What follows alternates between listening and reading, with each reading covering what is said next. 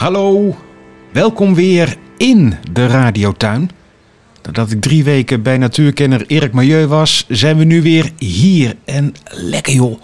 De zon van de laatste dagen. Ik heb heerlijk in de radiotuin gezeten, maar ik zie ook dat ik toch nog wel wat onderhoud moet doen, zo hier en daar. En ik hoop op wat tips van Erik.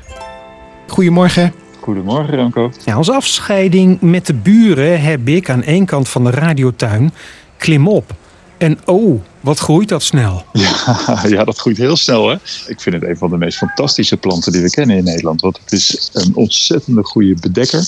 En hij, hij bloeit zo mooi. Ja, aan de bovenkant zitten er bij mij dan van die bolletjes. Het lijkt wel een beetje op het coronavirus, maar dat is het niet. Ja, nou, je het zegt. Dat zijn inderdaad allemaal kleine coronaatjes hè, die daar uh, aan de klim op hangen. ja, pas op voor de klim op. hij, hij kan heel uitbundig bloeien. Het is een beetje afhankelijk van hoe ver die in de ontwikkeling staat. Maar het is vooral heel mooi dat hij uh, nu bloeit. Want hij heeft hier echt een hele bijzondere rol in. Want? Het is natuurlijk eigenlijk herfst. Hè? We merken het. het. Het weer is omgeslagen al. We hebben een hoop koude, natte dagen over achter de rug.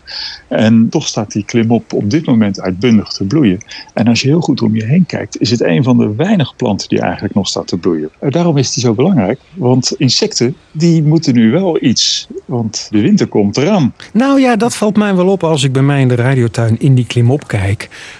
Er zit van alles in. En dat, dat, dat zie je niet zo als je er even vluchtig langs loopt. Maar er leeft volgens mij van alles in die klimop. Ja, ja, ik heb het de afgelopen weken bij mij ook eens een keer. Nou, toen viel die me echt op, want ik liep er langs. En uh, dat ding dat zoomde me tegemoet. Omdat het nu een van de laatste bronnen van, van nectar is, is het echt de ideale tankplaats voor heel veel insecten.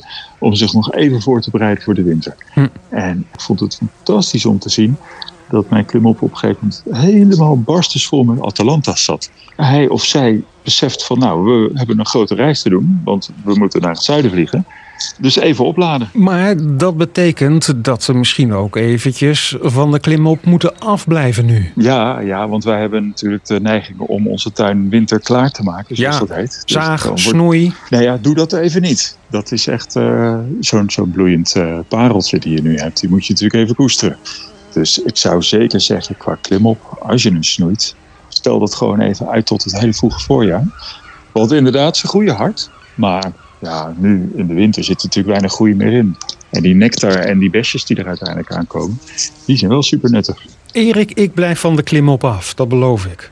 Hartstikke goed, Oké, okay, nou, spreken we elkaar in elk geval weer uh, volgende week in de radiotuin. Tot dan, Erik. Hopelijk komen de Atalanta's bij mij ook nog op die bloeiende klimop af. Als dat zo is, dan zet ik er natuurlijk een foto of een videootje van op radiotuin.nl. Dus check vooral nog even in de loop van deze week. Reageren kan trouwens ook op radiotuin.nl, want hoe ziet jouw tuin eruit? Vertel het eens. Tot volgende keer.